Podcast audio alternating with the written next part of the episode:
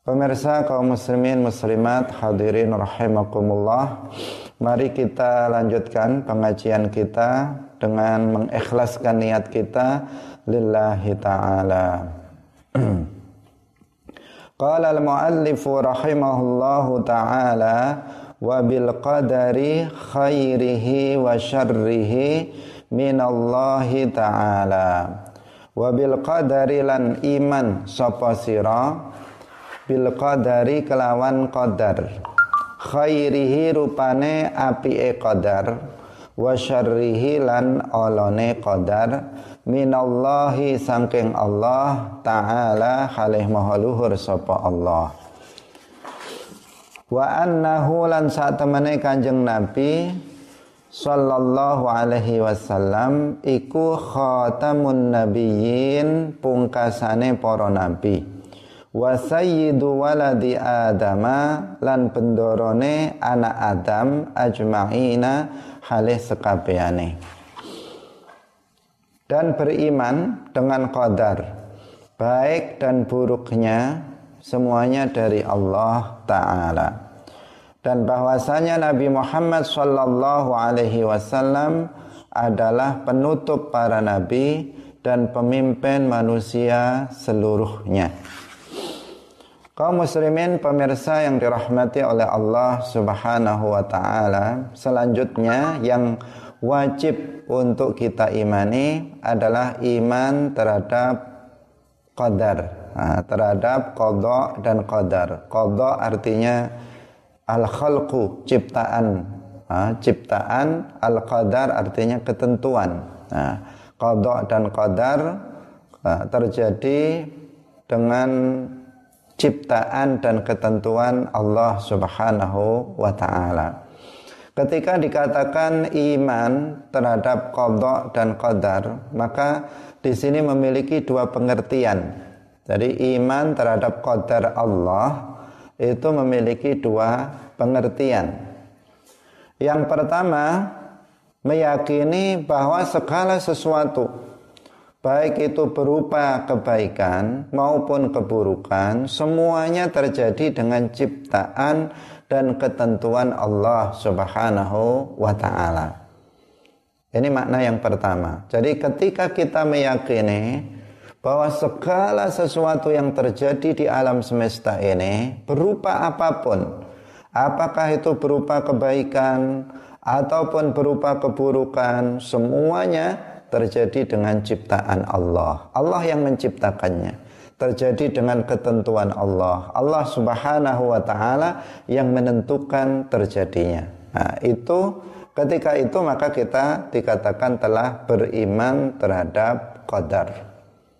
Nah, bahwa segala sesuatu terjadi dengan ciptaan dan qadar Allah banyak sekali ayat yang menjelaskannya. Nah, di antaranya adalah dalam surat Al-Furqan ayat 2 Allah Subhanahu wa taala berfirman wa khalaqa kulla syai'in faqaddarahu taqdira.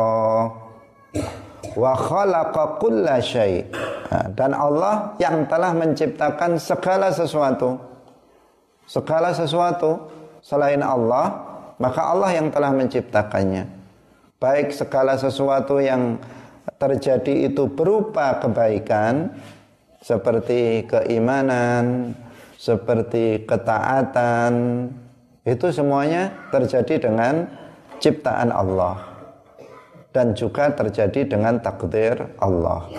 Nah, ataukah sesuatu yang terjadi itu berupa keburukan, misalnya kekufuran, kemaksiatan, dosa, maka itu semuanya terjadinya juga dengan apa takdir terjadi dengan qada ciptaan terjadi dengan qadar ketentuan Allah Subhanahu wa taala. Nah, pokoknya tidak ada yang terjadi di alam semesta ini kecuali dengan ketentuan terjadi dengan ciptaan Allah Subhanahu wa taala. Ada angin berhembus, maka itu terjadi dengan takdir Allah ada daun jatuh, maka itu terjadi dengan takdir Allah. ada orang kecelakaan, maka itu terjadi dengan takdir Allah.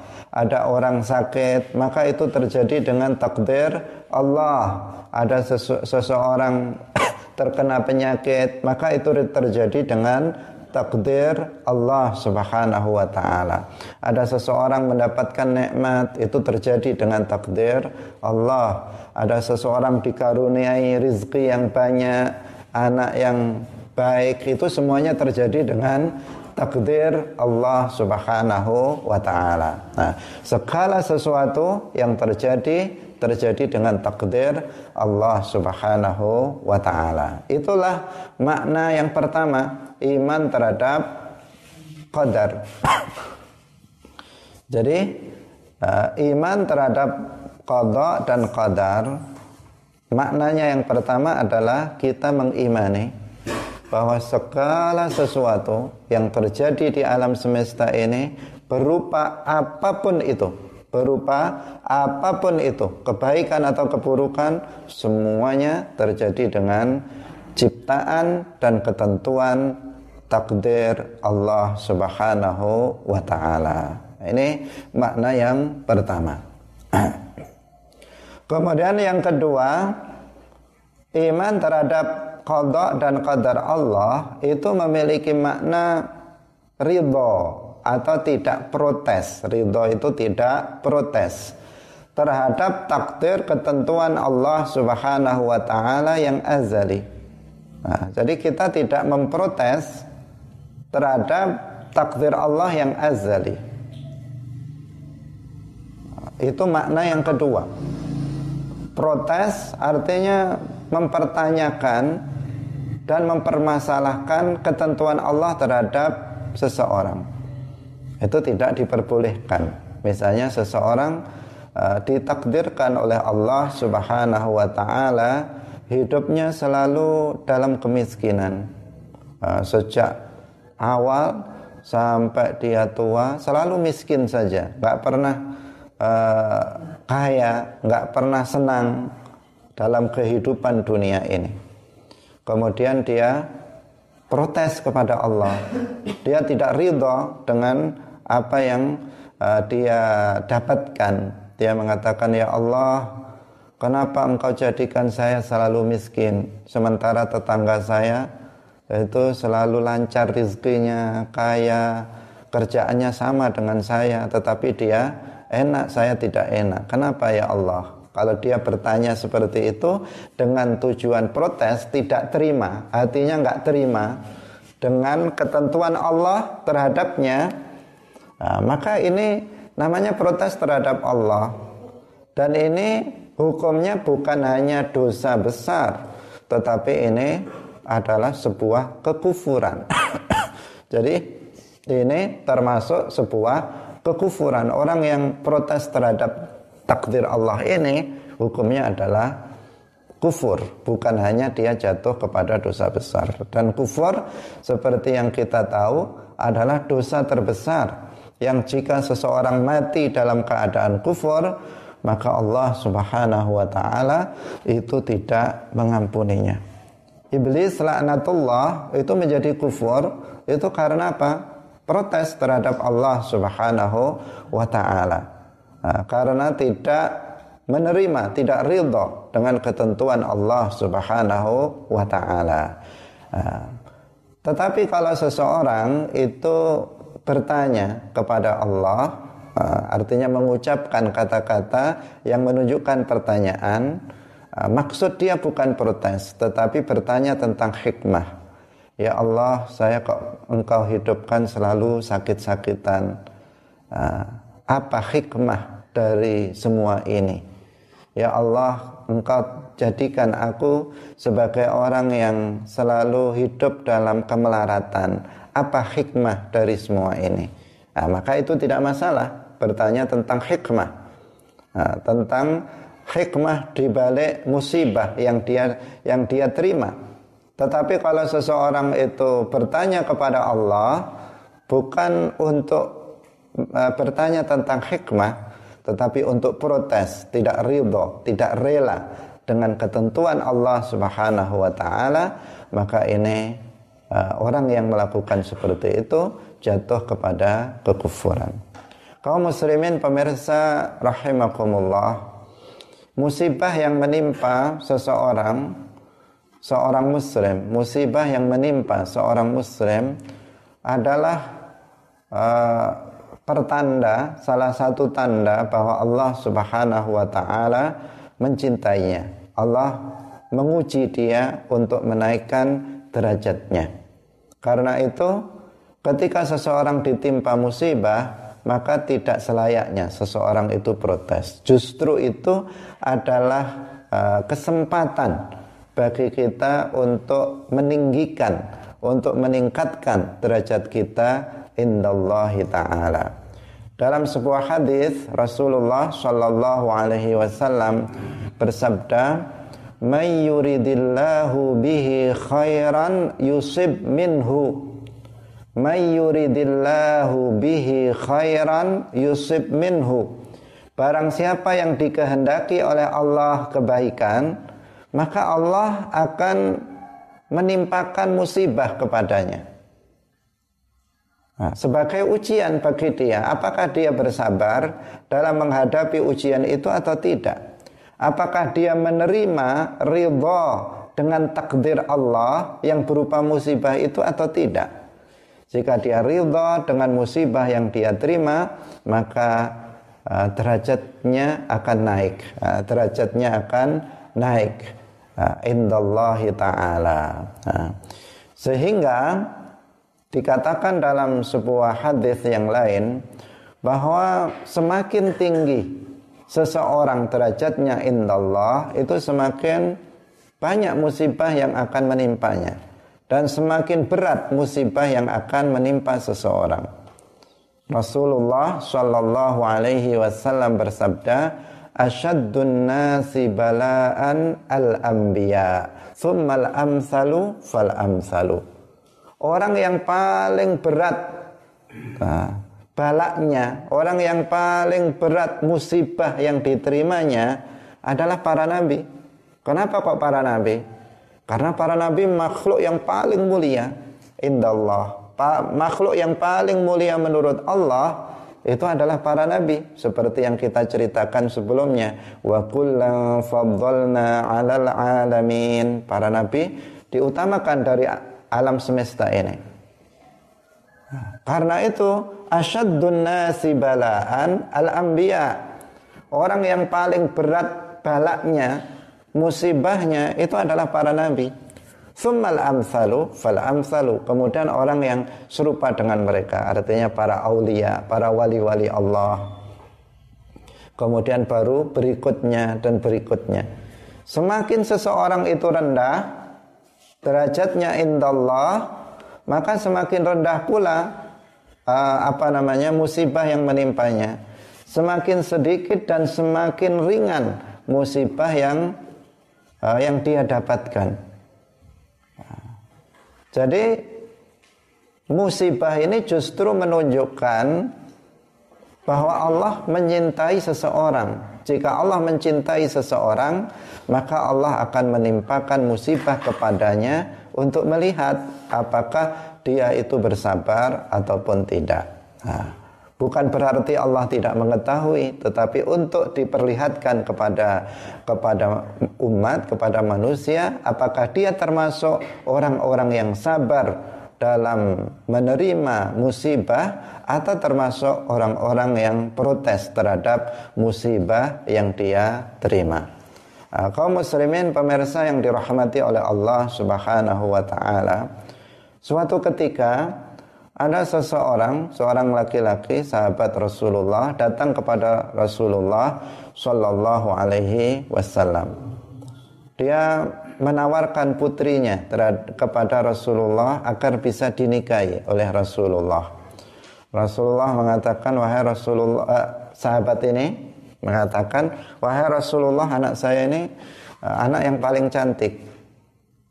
Dari kecil nggak pernah sakit sama sekali Nah, sama sekali nggak kena bala musibah itu nggak pernah. Pokoknya sempurna anak saya ini, tolong untuk dinikahi.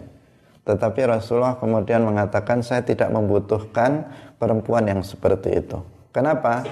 Karena perempuan yang seperti itu nggak pernah mendapatkan musibah, nggak pernah mendapatkan bala, maka menunjukkan itu tidak menunjukkan kebaikan untuknya, tidak menunjukkan kebaikan padanya.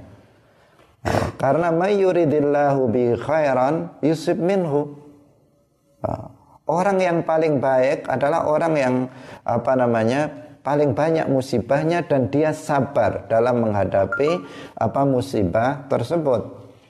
Nah, karena musibah bagi seorang mukmin adalah ujian, adalah ujian untuk meningkatkan derajat indallah. Nah, derajat menurut Allah Subhanahu wa taala. Tak ubahnya seperti anak sekolah. Nah, kalau misalnya anak TK pasti ada ujian, anak MI juga ada ujian, anak MTS, anak aliyah juga ada ujian. Setiap jenjang untuk masuk jenjang berikutnya ada ujian. Dari satu kelas ke kelas berikutnya juga ada ujian. Nah, ketika diadakan ujian, apa artinya? Artinya guru ingin anak ini naik ke tingkat berikutnya ketika diadakan ujian, maka maksudnya agar anak ini naik kepada tingkat berikutnya. Apabila dia bisa bersabar dalam ujian, menjawabnya dengan benar misalnya, mau belajar dan seterusnya, maka dia akan naik ke kelas yang lebih tinggi. Nah, maka demikian juga manusia nah, sebagai pendekatan. Seseorang diberikan ujian agar dia uh, bisa naik ke tingkat yang lebih tinggi derajatnya indallahi taala. Semakin rendah derajat seseorang indallah, semakin ringan apa namanya ujian yang dia terima. Seperti halnya anak sekolah, semakin rendah tingkatannya, semakin mudah ujiannya. Nah, kalau kita misalnya melihat ujian anak kelas 1 MI, kelas 1 SD, maka kita akan mengatakan ujian enak-enak. Satu tambah satu, mudah sekali. Nah, kita akan mengatakan mudah. Ya itu mudah bagi kita. Tapi bagi anak kelas 1, itu sesuatu yang berat. Nah, demikian juga ketika kita misalnya melihat apa namanya ujian anak MI kelas 6 misalnya. Berat bagi dia tetapi bagi orang yang lebih tinggi itu rendah itu ringan tapi bagi anak MI misalnya melihat ujian anak perguruan tinggi maka sama sekali dia tidak nyaut. Nah, membaca soalnya saja nggak paham.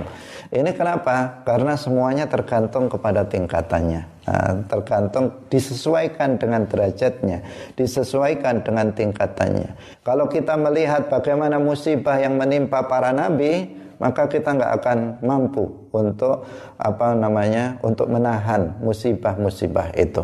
Tetapi semuanya sesuai dengan tingkatannya, nah, sesuai dengan tingkatannya. Nah, kalau kita melihat musibah yang menimpa orang yang lebih rendah dari kita derajatnya, maka ringan. Tetapi jika kita melihat kepada orang yang lebih tinggi derajatnya para wali, para nabi, uh, maka kita akan melihat betapa mereka sangat berat.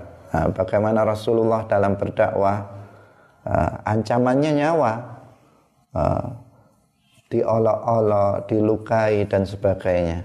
Bagaimana para nabi sebelumnya banyak di antara para nabi yang kemudian terbunuh karena ulah orang-orang yang kafir. Ah, dan seterusnya. Semuanya itu apa? Um, jadi tanda kebaikan itu ini yang penting yang berkali-kali kita sampaikan.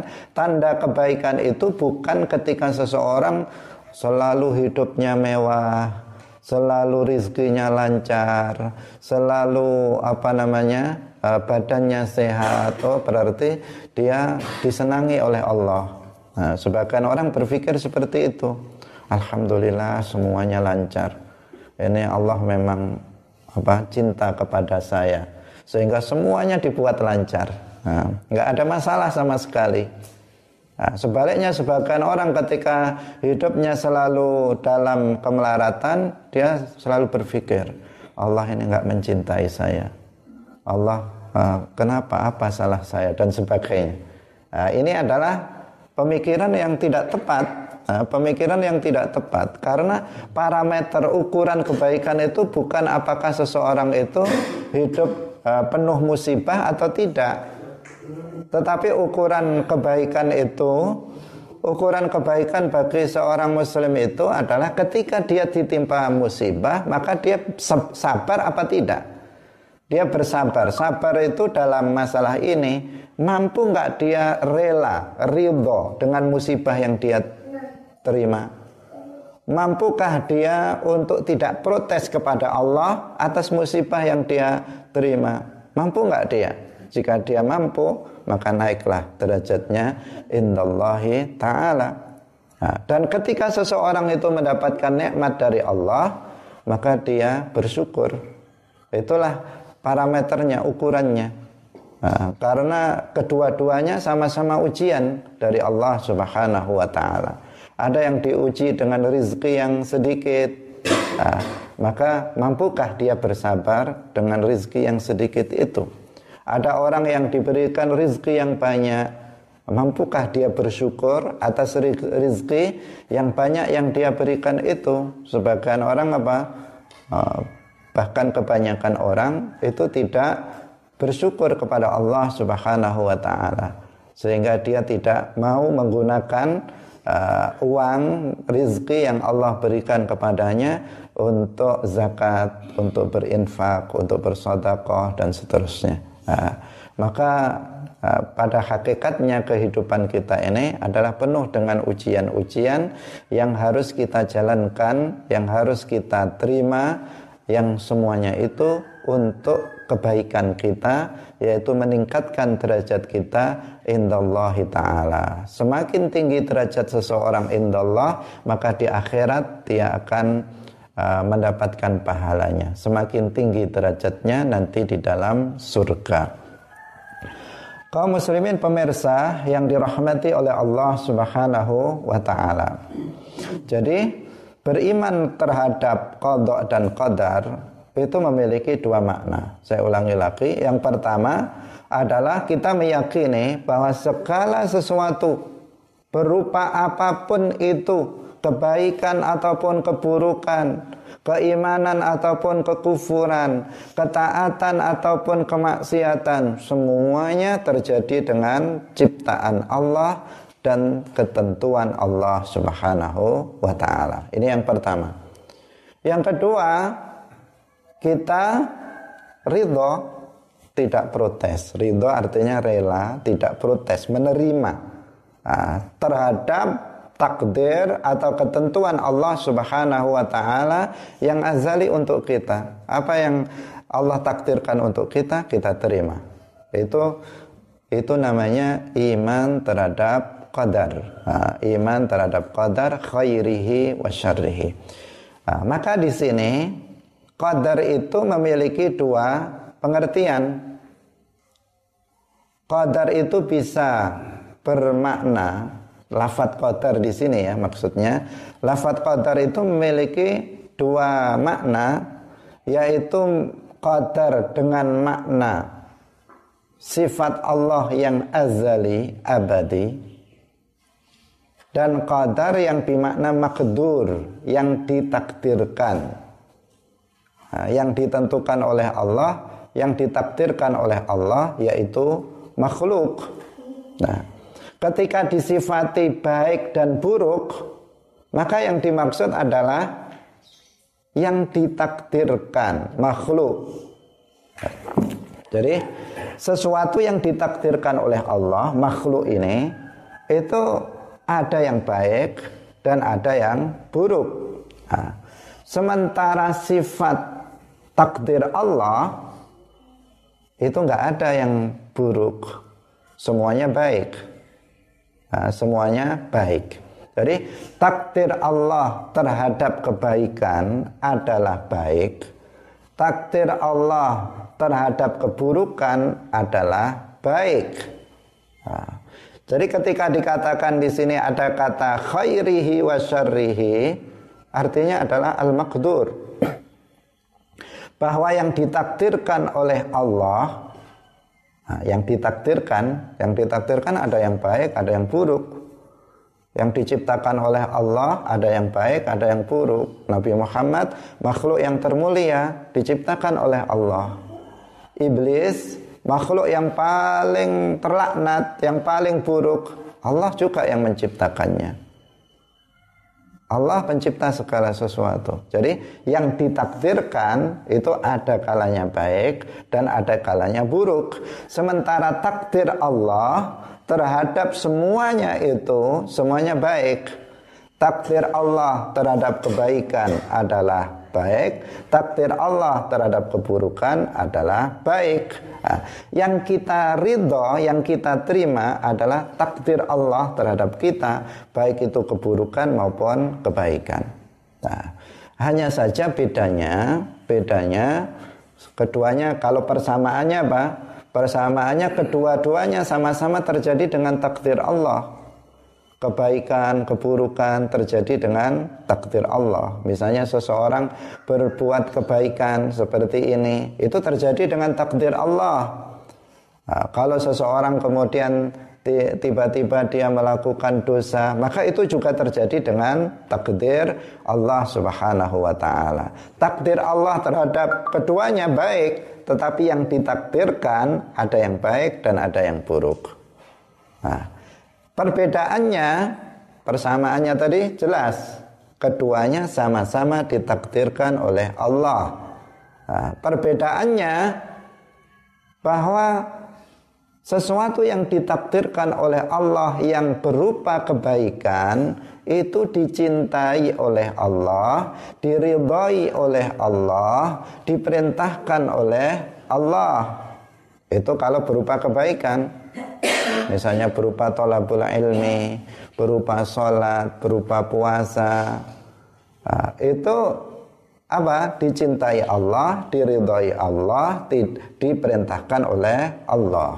Nah, jika yang ditakdirkan itu berupa keburukan, maka itu terjadi dengan takdir Allah, terjadi dengan ciptaan Allah, tetapi tidak dicintai oleh Allah, tidak di apa namanya tidak diridhai oleh Allah, tidak diperintahkan oleh Allah. Maka ketika terjadi kebaikan pada diri kita, misalnya kita melakukan kebaikan seperti ini, maka kita ridho terhadap takdir Allah itu, kita ridho terhadap takdir Allah itu, dan kita mencintai amal yang kita lakukan. Nah, dan ketika kita melakukan kemaksiatan maka kita ridho dengan takdir Allah bukan ridho dengan kemaksiatan bukan ya ini penting jadi bukan ridho terhadap kemaksiatan tapi kita ridho terhadap takdir Allah yang menentukan kita berbuat maksiat tetapi di sisi lain kita benci terhadap kemaksiatan yang terjadi. Kenapa? Karena kemaksiatan Allah membencinya maka kita juga membencinya. Bukan benci terhadap takdir Allah, tapi benci terhadap makhluk yang berupa keburukan yang ditentukan oleh Allah. Nah, sementara terhadap takdir Allah kita menerimanya. Nah, ini tipis yang harus dipahami.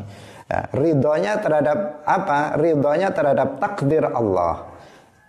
Sedangkan terhadap yang ditakdirkan yang berupa keburukan maka kewajiban kita adalah untuk mengingkarinya, untuk membenci kemaksiatan yang telah ditakdirkan oleh Allah itu.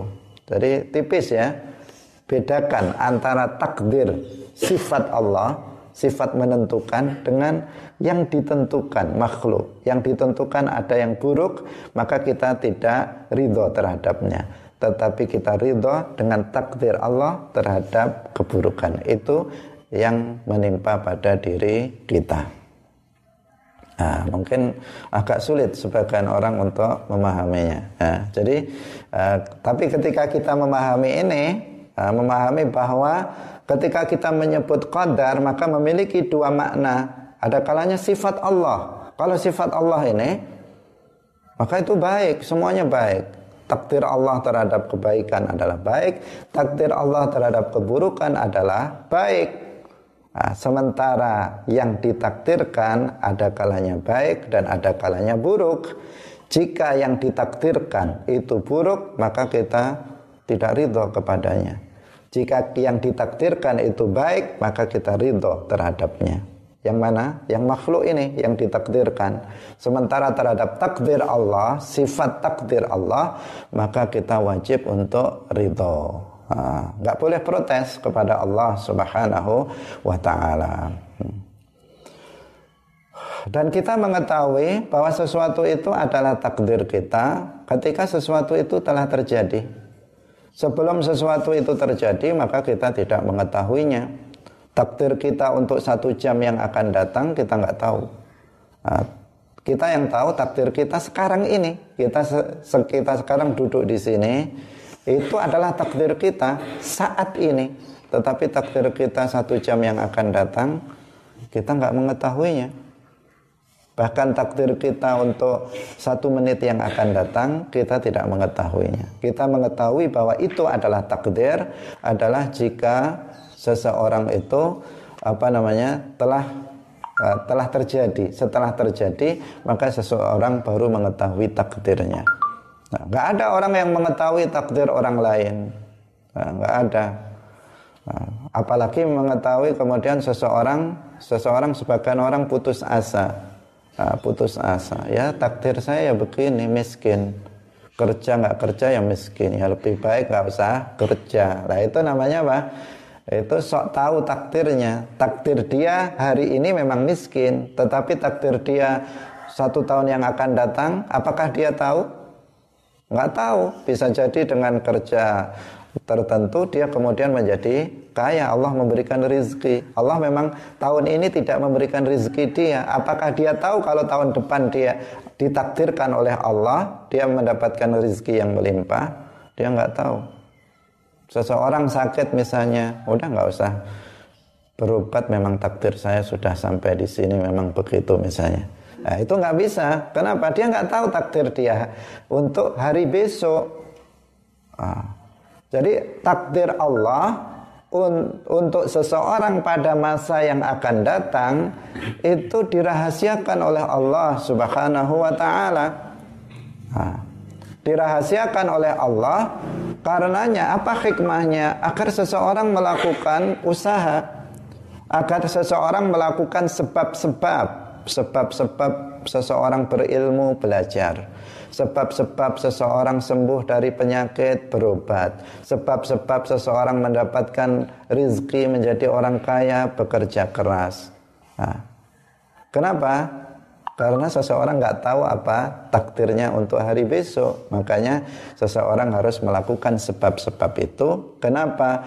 karena memang Allah subhanahu wa ta'ala dalam menciptakan sebagian makhluknya itu dengan sebab. Sebab itu Allah yang menciptakan, akibat dari sebab yang dilakukan juga Allah yang menentukannya. Tetapi Allah menciptakan juga sebab dan akibat. Nah, sebab dan akibat, keduanya Allah yang menciptakan. Bukan sebab yang menciptakan akibat, tetapi keduanya Allah Subhanahu wa taala yang menciptakan. Sebagian Allah uh, ber, berkehendak Allah mentakdirkan seseorang sembuh dengan sebab berobat. Nah, sebagian Allah uh, apa namanya menciptakan mentakdirkan seseorang uh, menjadi kaya dengan sebab uh, seseorang bekerja keras. Nah, sebab Allah yang menciptakan, Allah yang mentakdirkan, akibat juga Allah Subhanahu wa taala yang mentakdirkannya. Nah, kaum muslimin pemirsa yang dirahmati oleh Allah Subhanahu wa taala. Karena takdir itu ada dua macam. Ada namanya takdir mubram dan ada namanya takdir muallak. Nah, takdir mubram ini ada semacam apa namanya salah kaprah di kalangan masyarakat dalam memahami ini. Nah, banyak sekali yang memahami kalau mubrom itu adalah takdir Allah yang tidak bisa berubah. Kalau mu'allak itu adalah takdir Allah yang bisa berubah. Nah, ini uh, kesalahan karena takdir Allah tidak berubah. Takdir Allah tidak bisa berubah dengan apa pun, tidak bisa. Kenapa takdir Allah itu sifat Allah? Nah, sementara sifat Allah itu apa? Azali, abadi. Azali itu tidak berpermulaan, abadi tidak berpenghabisan, tidak berubah-ubah. Nah, sehingga masyiatullah, nah, kehendak Allah itu tidak berubah. Takdir Allah itu tidak berubah. Karena sifat Allah itu tidak berubah. Nah, kalau sifat yang berubah itu sifatnya siapa? Sifatnya makhluk. Hari ini kita berkehendak A, nanti sejam lagi sudah berubah jadi B. Itu kehendak makhluk.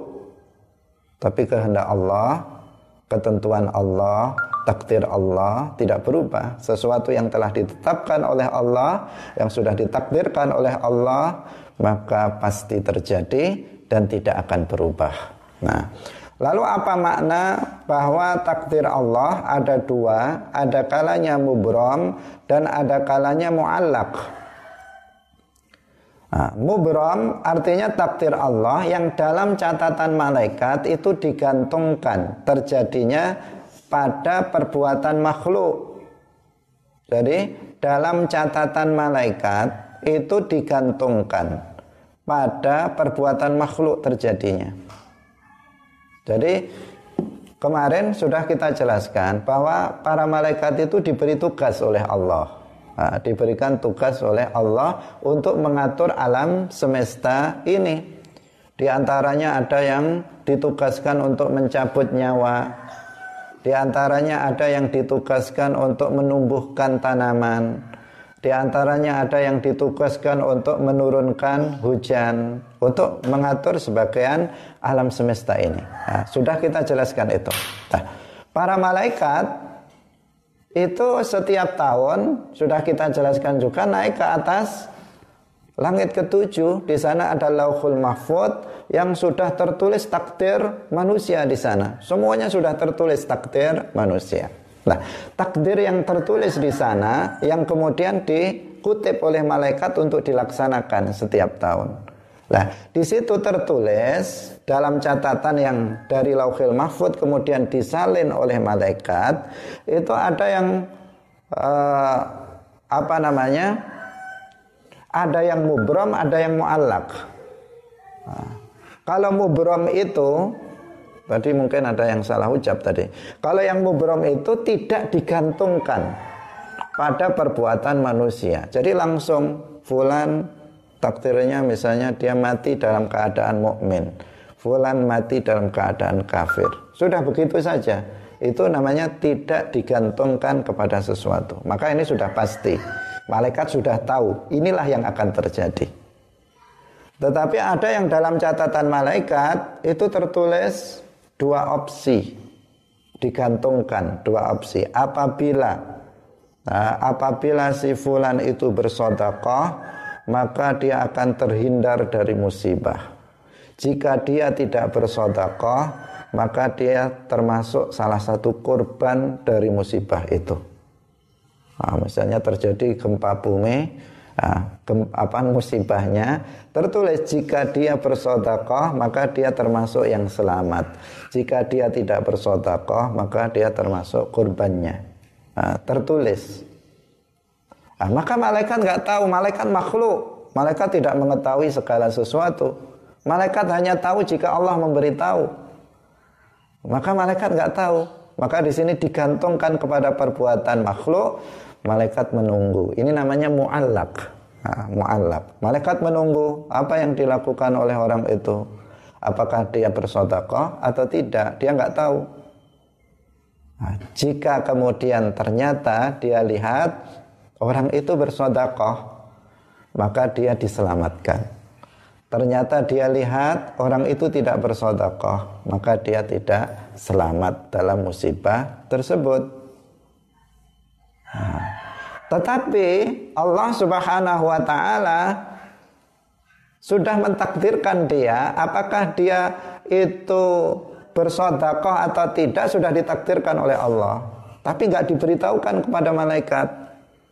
Takdir Allah yang sebenarnya Ya sebenarnya semuanya sebenarnya tetapi takdir Allah yang akan terjadi tidak diberitahukan kepada malaikat. Sehingga seakan-akan muallak pada perbuatan manusia tetapi sesungguhnya Allah sudah mengetahui dan Allah sudah menentukan mana yang dilakukan oleh manusia dan manusia tersebut dan apa yang terjadi pada dia. Semuanya sudah ditentukan. Artinya apa? Takdir Allah tidak berubah.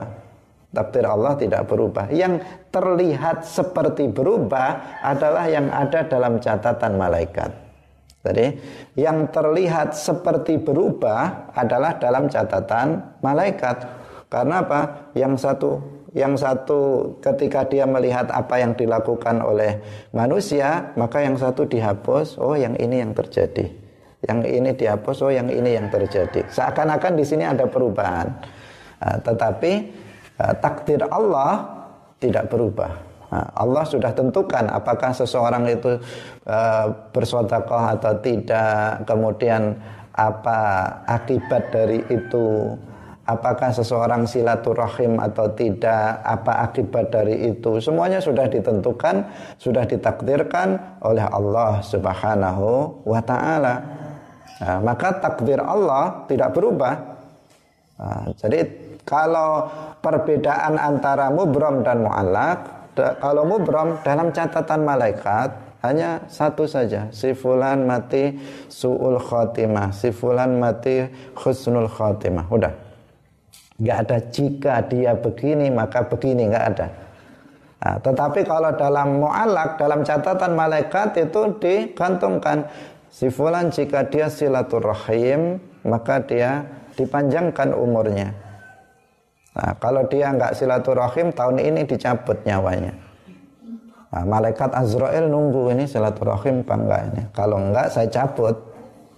Nah, kalau ternyata silaturahim baru nggak jadi dicabut berarti umurnya dipanjangkan.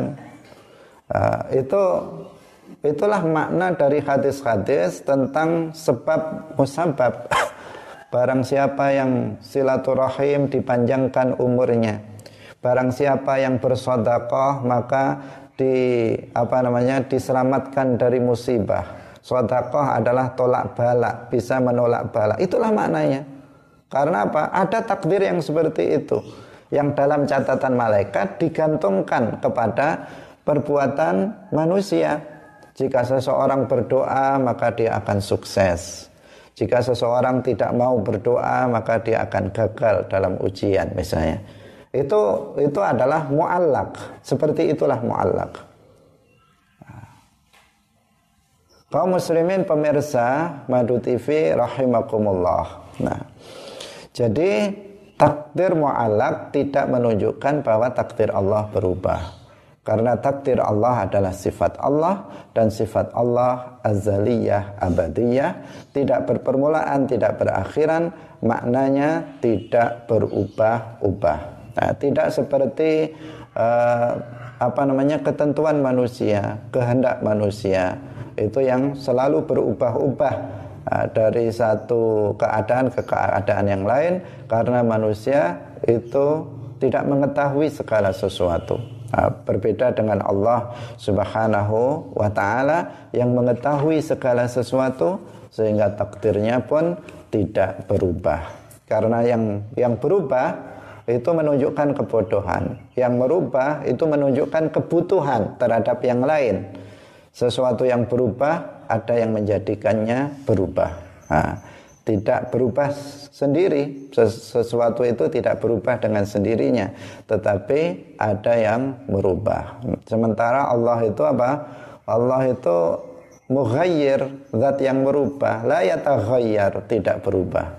Nah, karena itu hati-hati, nah, hati-hati terhadap uh, pernyataan bahwa uh, apa namanya ada takdir yang berubah. Uh, doa tidak merubah, uh, doa tidak merubah, silaturahim tidak merubah, sedekah tidak merubah takdir. Tetapi ini adalah termasuk sabab musabab yang tergolong sebagai apa namanya uh, takdir muallak. Demikian juga apa? Ayat yang mengatakan innallaha la yughayyiru ma biqaumin hatta yughayyiru ma bi anfusihim itu juga takdir muallak konteks ayat itu berbicara tentang takdir muallak bukan berarti seseorang bisa merubah takdirnya sendiri. Enggak. Nah, seseorang bekerja keras karena dia nggak tahu takdir dia untuk besok Nah, mana tahu tercatat dalam catatan malaikat jika dia bekerja keras akan diberi rezeki yang banyak. Mana tahu seperti itu, maka kita melakukannya. Nah, si fulan jika dia mau belajar yang rajin, maka dia akan menjadi orang yang alim. Mana tahu kita tercatat seperti itu dalam catatan malaikat sehingga kita melakukannya, melakukan sebab-sebab itu. Nah, sebab-sebab. Jadi Allah Subhanahu wa taala kita tegaskan dari awal bahwa Allah menciptakan nah, sesuatu sebagian makhluknya itu dengan sebab nah, sebab. Nah, sehingga perlu ada usaha nah, usaha ikhtiar dari makhluk untuk apa namanya mendapatkan apa yang uh, diinginkannya yang baik menurut uh, yang baik menurut dia. Nah, dia menurut dia saya pengennya seperti ini. Nah, maka apa namanya? Apa yang dia inginkan akan tercapai manakala itu memang sesuai dengan takdir Allah Subhanahu wa taala.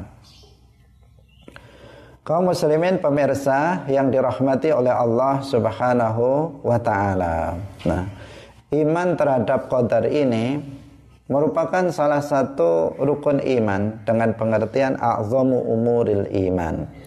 Iman apa perkara iman yang paling agung. Tidak boleh seseorang kemudian tidak beriman terhadap qadar. Karena ada sebagian kelompok uh, pada masa sekarang itu yang mengingkari terhadap adanya qadar ini. Nah, mengingkari terhadap kodok dan qadar mereka menganggap bahwa rukun iman itu hanya lima. Iman kepada Allah, iman kepada malaikat-malaikatnya, iman kepada Rasul, iman terhadap kitab-kitabnya, iman kepada hari akhir. Tidak ada iman terhadap qadar, kodok dan qadar. Ini ada kelompok sekarang. Nah, meyakini seperti itu bahwa rukun iman hanya lima. Nah, ahlus sunnah wal jamaah kita umat Islam nah, seluruhnya itu meyakini uh, termasuk bagian dari iman yang apabila seseorang itu tidak mengimaninya maka menjadi uh, menjadi bukan seorang muslim adalah apa? Iman terhadap qadar. Wajib kita beriman terhadap qadar dan qadar Allah dengan pengertian yang sudah kita jelaskan tadi. Dua pengertian. Yang pertama kita meyakini semuanya terjadi dengan takdir Allah. Kebaikan, keburukan, kemaksiatan, apa namanya ketaatan, semuanya terjadi dengan takdir Allah Subhanahu wa taala. Yang kedua apa? Yang kedua ridho. Ridho artinya tidak protes terhadap takdir Allah Subhanahu wa taala. Nah, misalnya dia Biasanya kalau orang itu ditakdirkan oleh Allah dengan takdir yang menyenangkan, seseorang langsung ridho. Udah dilahirkan dalam keadaan di keluarga orang kaya, banyak duitnya, sehat terus, eh, ganteng, tampan, biasanya langsung ridho saja terhadap takdir itu. Nah, tetapi kalau seseorang itu takdirnya, nah, itu adalah tidak baik, nah, sudah lahir dalam keadaan miskin, sudah begitu cacat lagi, sudah begitu jelek lagi, nah, hidungnya pesek, hitam misalnya. Itu itu terkadang seseorang di sini apa? Nah, terkadang seseorang sulit untuk menerima. Nah, sulit untuk menerima karena dia membandingkan dengan apa yang terjadi pada orang lain. Nah, sehingga dia merasa bahwa itu tidak adil. Nah, padahal nggak ada sesuatu yang nggak adil bagi Allah Subhanahu Wa Taala. Semuanya adalah merupakan keadilan. Allah tidak zalim. Nah, seperti yang sudah kita jelaskan sebelumnya, uh, zalim itu artinya adalah melakukan tindakan terhadap milik yang lain, terhadap milik orang lain tanpa seizin dari pemiliknya. Itu namanya apa? Berbuat zalim.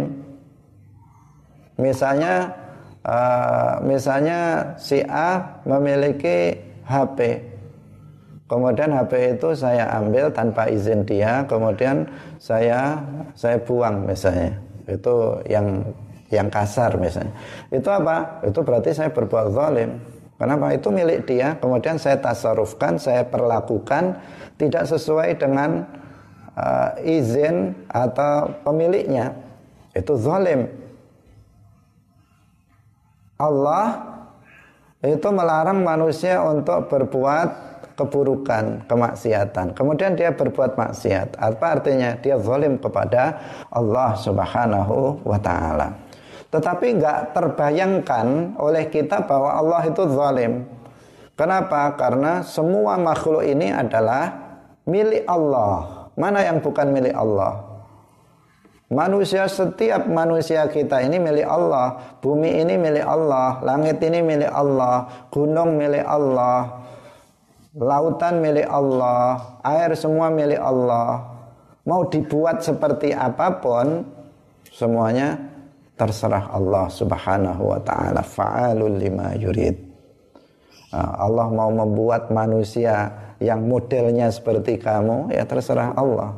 Allah mau membuat manusia yang modelnya seperti dia ya terserah Allah. Ah, Allah maha apa namanya ah, melakukan sesuai dengan apa yang dia kehendaki.